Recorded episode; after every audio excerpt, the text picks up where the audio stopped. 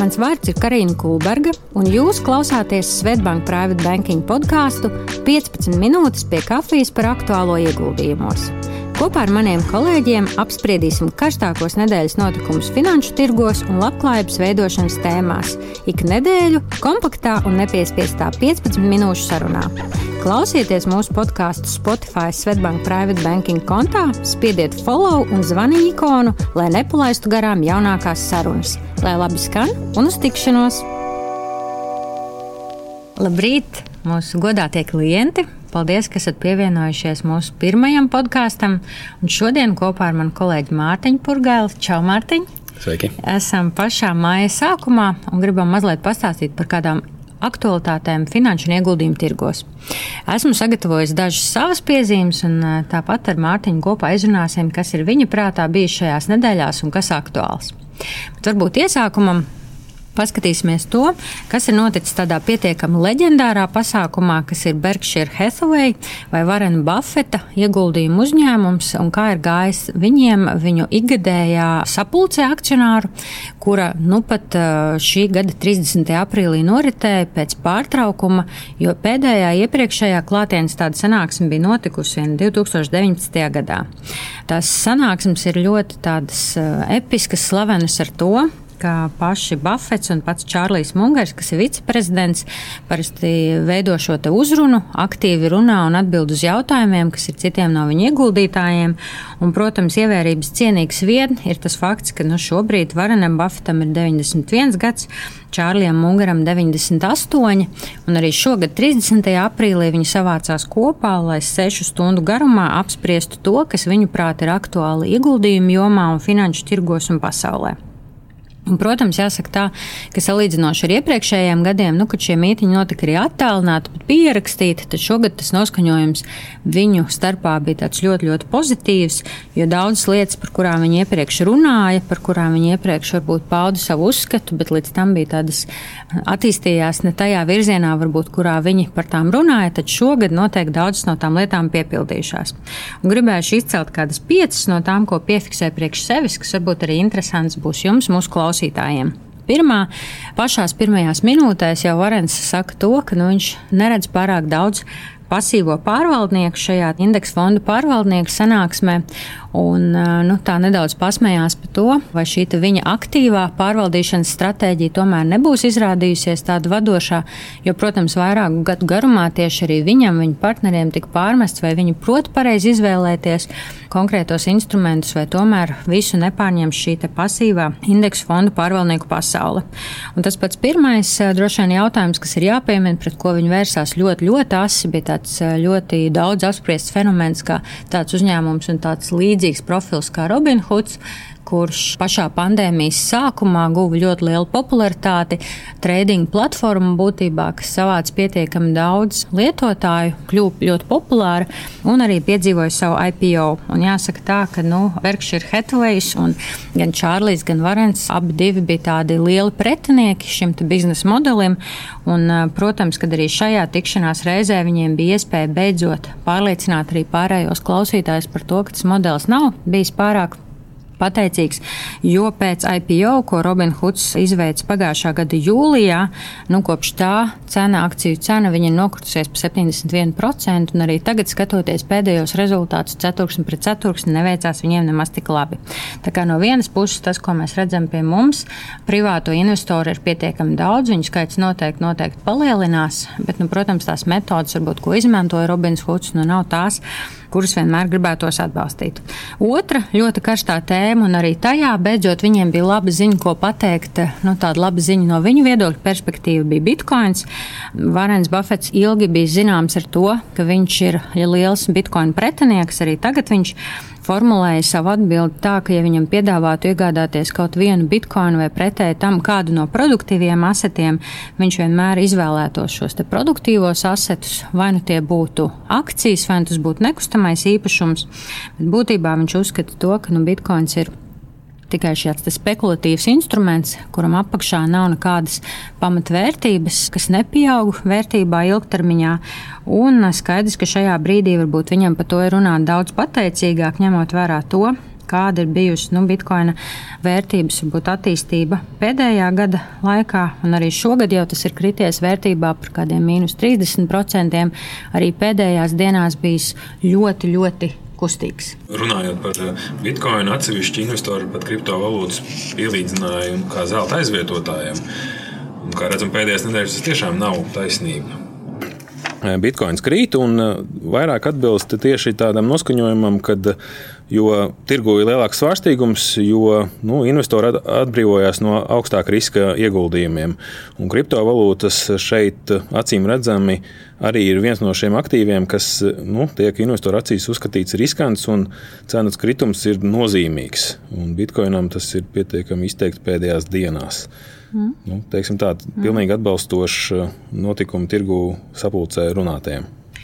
Jā, nu tad tāda trešā man piezīme, ko veicu no šīs gada sanāksmes, bija par uh, tirgus taimingu, market taimingu saukto, kas arī mūsu klientu vidū, nu, Mārtiņš, domāju, tu piekritīsi, ir ļoti bieži jautājums, vai šis ir īstais brīdis ieguldīt, kas notiks rīt ar tirgiem, kā tie attīstīsies, kas notiks parīt.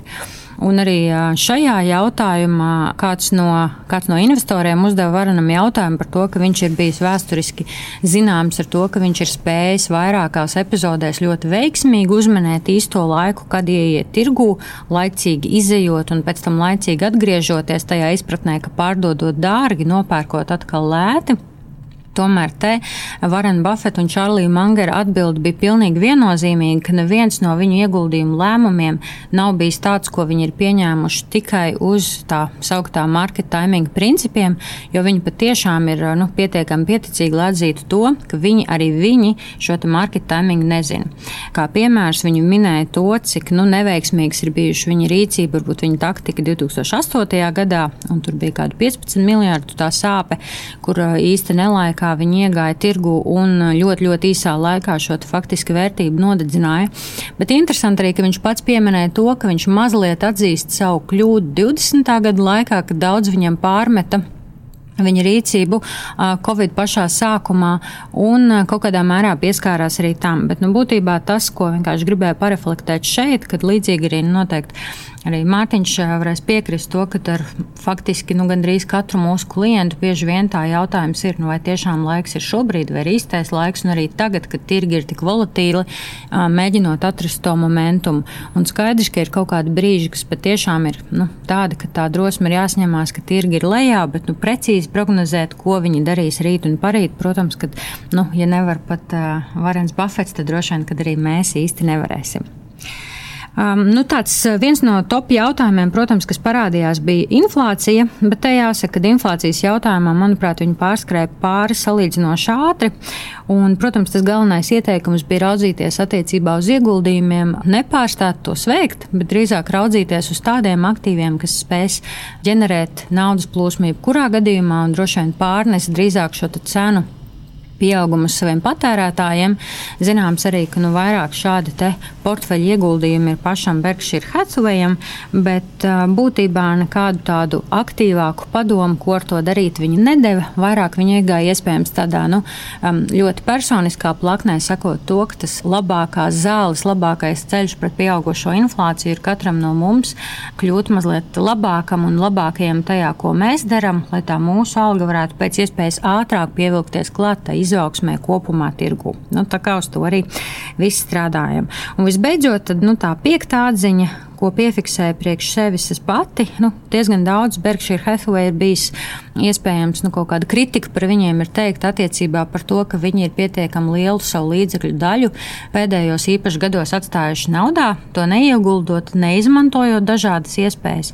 Un, kā jau es minēju, tajā trešajā punktā, tad zināmā mērā Variants arī šo savu kļūdu kaut kādā mērā ir atzinis, un ilgstoši viņš teica, ka varbūt viņš neredz kaut kādas iespējas, ko darīt ar šo naudu. Par labām cenām iegādāties aktīvus viņš nevar, kas no vienas puses liktu mums domāt, nu iespējams, ka viss ir pārcenots, bet tā gluži nav, jo arī šogad tas, ko viņš ir darījis, viņš pats ir ļoti aktīvi pircis atpakaļ Berkshire Hathaway daļas, tādējādi parādot to, ka nu, būtībā viņš uzskata, ka īstenībā tā viņa portfeļa vērtība bija novērtēta pietiekami pietiekami zemu. To viņš darīja janvārī, februārī, martā. Ja paskatās akcijas attīstību, tad īstenībā precīzi to arī redzam, kad aprīlī viņi uzlec augšā, līdz ar to nu, tas bija veiksmīgi. Bet papildus tam arī pēdējā laikā ieguldījis vairāk kā 40 miljardus nu, dažu nedēļu laikā. To viņš ir slaveni arī teicis, ka nu, būtībā šiem tādiem investoriem kā viņš, kas meklē šos labos pirkumus, bieži vien ir jāsēž, kā viņš izsakās, jāsēž uz pirkstiem pietiekami ilgi, vairākus mēnešus, lai pēc tam dažu nedēļu laikā veiktu tādas izdevīgas viņu prāt iegādes. Bet nu, būtībā tas secinājums, protams, bija tāds, ka pēc pāris gadiem, kuru laikā šis value investing, nu, kura tāds aktīvs aktīvs proponents ir Varens Buffets, kurš bija ieņēmuši tādu varbūt netik tādu atzītu lomu, tad, protams, šajā brīdī viņi jūtas, ka viņu tā pieeja tomēr ir atgriezusies un ka iespējams šis gads būs tas, kur viņi varēs pierādīt, ka nu, šie arbitrāžas aktīvi, tādi kā bitkoins vai tādi aktīvie treideri, tomēr nevar pārsist viņu šo ilgtermiņa vērtības pieauguma stratēģiju. Nu tā, tā, tas tie tādi daži jaunumi no manas puses. Mārtiņa pastāsta, kas bijis tavā prātā par to, kas noticis pēdējās nedēļās finanšu tirgos. Jā, no savas puses es noteikti gribētu parunāt par maija sākumā pieredzēto akciju tirgus svārstīgumu. Mēs redzam ļoti nu, liels izmaiņas. Vienu dienu ir diezgan spēcīgs kāpums, otru dienu ir vēl spēcīgāks kritums pašlaik. Kas tad dominē tirgos? Tirgos dominē tas, ka ir liela nenoteiktība. Nu, un, Mēs redzam, kā Karina jau pieminēja, augsta inflācija, kas pats par sevi ir problēma ekonomikā. Kopumā tas mazina pirktspēju cilvēkiem, nu, un viņa ir jārisina. Un ņemot vērā, ka risinājumi nav vienkārši, tirgus arī diezgan būtiski pašlaik svārstās. Viens no tādiem nozīmīgākiem notikumiem, kas eh, svārstīgumu radīja, bija ASV centrālās bankas sanāksme, kurā tika lemts par procentu likumu izmaiņām. Nu, procentu likuma izmaiņas nozīmē to, ka palielinot tās, nu, sadārdzinās gan kredītmaksājumi, gan arī nu, aizsaimniecībām, uzņēmumiem samazinās naudas apjoms, kas ir viņu rīcībā. Tādā veidā mūsu iespējas tērēt sašaurinās. Līdz ar to nu, tas ierobežot arī cenu kāpumu. Tas ir tādā vienkāršā valodā runājot, kas tika lemts. Tika pielemts 0,5% pieaugums šobrīd šai procentu likmei, un tika paziņots arī, ka nu, tuvākajā laikā procentu likums tiks paaugstināts vēlreiz par 0,5%. Šajā dienā, kad notikās sēde, nu, tirgu bija diezgan liels optimisms, jo nu, tirgus sagaidīja, varbūt, ka nākotnes procentu likuma pieaugums varētu būt 0,75%, nu, tomēr izlēma par 0,5%. Tomēr nākamajā dienā mēs sastapāmies ar tieši pretēju efektu, kad tirgus nokritās, ļoti spēcīgi nokritās. Un, nu, skaidrojums tam ir, ka iespējams šāda veida procentu likuma izmaiņas nebūs pietiekamas, lai samazinātu augsto inflāciju. Inflācija mums ir nu, pašlaik gan trīs elementi, kas viņu padara tādu augstu. Viens ir, kad piegāžu ķēdes nedarbojās starptautiski, otrs ir enerģijas cenas pieaugums saistībā ar karu, un trešais, protams, ASV ekonomika arī pietiekami attīstās, bezdarba līmenis ir zems, spiediens uz algām augsts, līdz ar to nu, tas rada arī inflāciju. Kā attīstīsies tirgi un cik svārstīgi tie būs turpmāk, mēs vēl parunāsim mūsu nākotnes raidījumos. Tas, ka svārstīgums droši vien būs nu, izteiktāks šajā gadā, tas ir diezgan skaidrs. Ir runas arī par ASV ekonomikas recesiju gada otrajā pusē. Nu, centrālām bankām uzdevums ir balansēt gan inflācijas rādītājus, gan ekonomisko attīstību. Un kā tad viņiem veiksies, noteikti redzēsim turpmāk. Un vēl viena tāda lieta, ko es gribēju parunāt, ir nu, daudzus gadus mēs neesam runājuši par eh, obligācijām, jo tās varbūt nebija tik populāras pēdējā laikā, bet eh, arī šajā tirgu ir eh, nu, parādās jau iespējas, ir cenas kritums līdz ar to. No jauniem ieguldītājiem procentu likme, pa kuriem viņi var iegādāties obligācijas, nu, šīs kupons, kuru maksā mm, emitents, ir pieaudzis. Arī šis jautājums, es domāju, ka šī gada laikā būs eh, viens no tādiem interesantākiem, ko paskatīties, jo nu, atgriežas viena no nozīmīgākajām aktīvu klasēm, kur ieguldīt. procentu likmes varbūt nav ļoti augstas. Nu, ja mēs, piemēram, varam minēt ASV desmit gadu valdības obligācijas, to procentu likme nu, ir 3%, kas no vienas puses nav arī ļoti liela, bet nu, tā ir pēdējā laikā sasniegusi pašlaik tādu augstāko punktu. Nu, lūk, tās ir tās divas lietas, par kurām es gribēju šodien pieskarties. Es noteikti arī gribēšu paskatīties, kādas tendences mēs sagaidīsim nākotnē. Audio saturā dzirdētā informācija nav uzskatāms par ieguldījumu konsultāciju vai ieteikumu slēgt finanšu tirgus darījumus vai ieguldīt finanšu instrumentos. Paldies, ka noklausījāties mūsu sarunu šodien.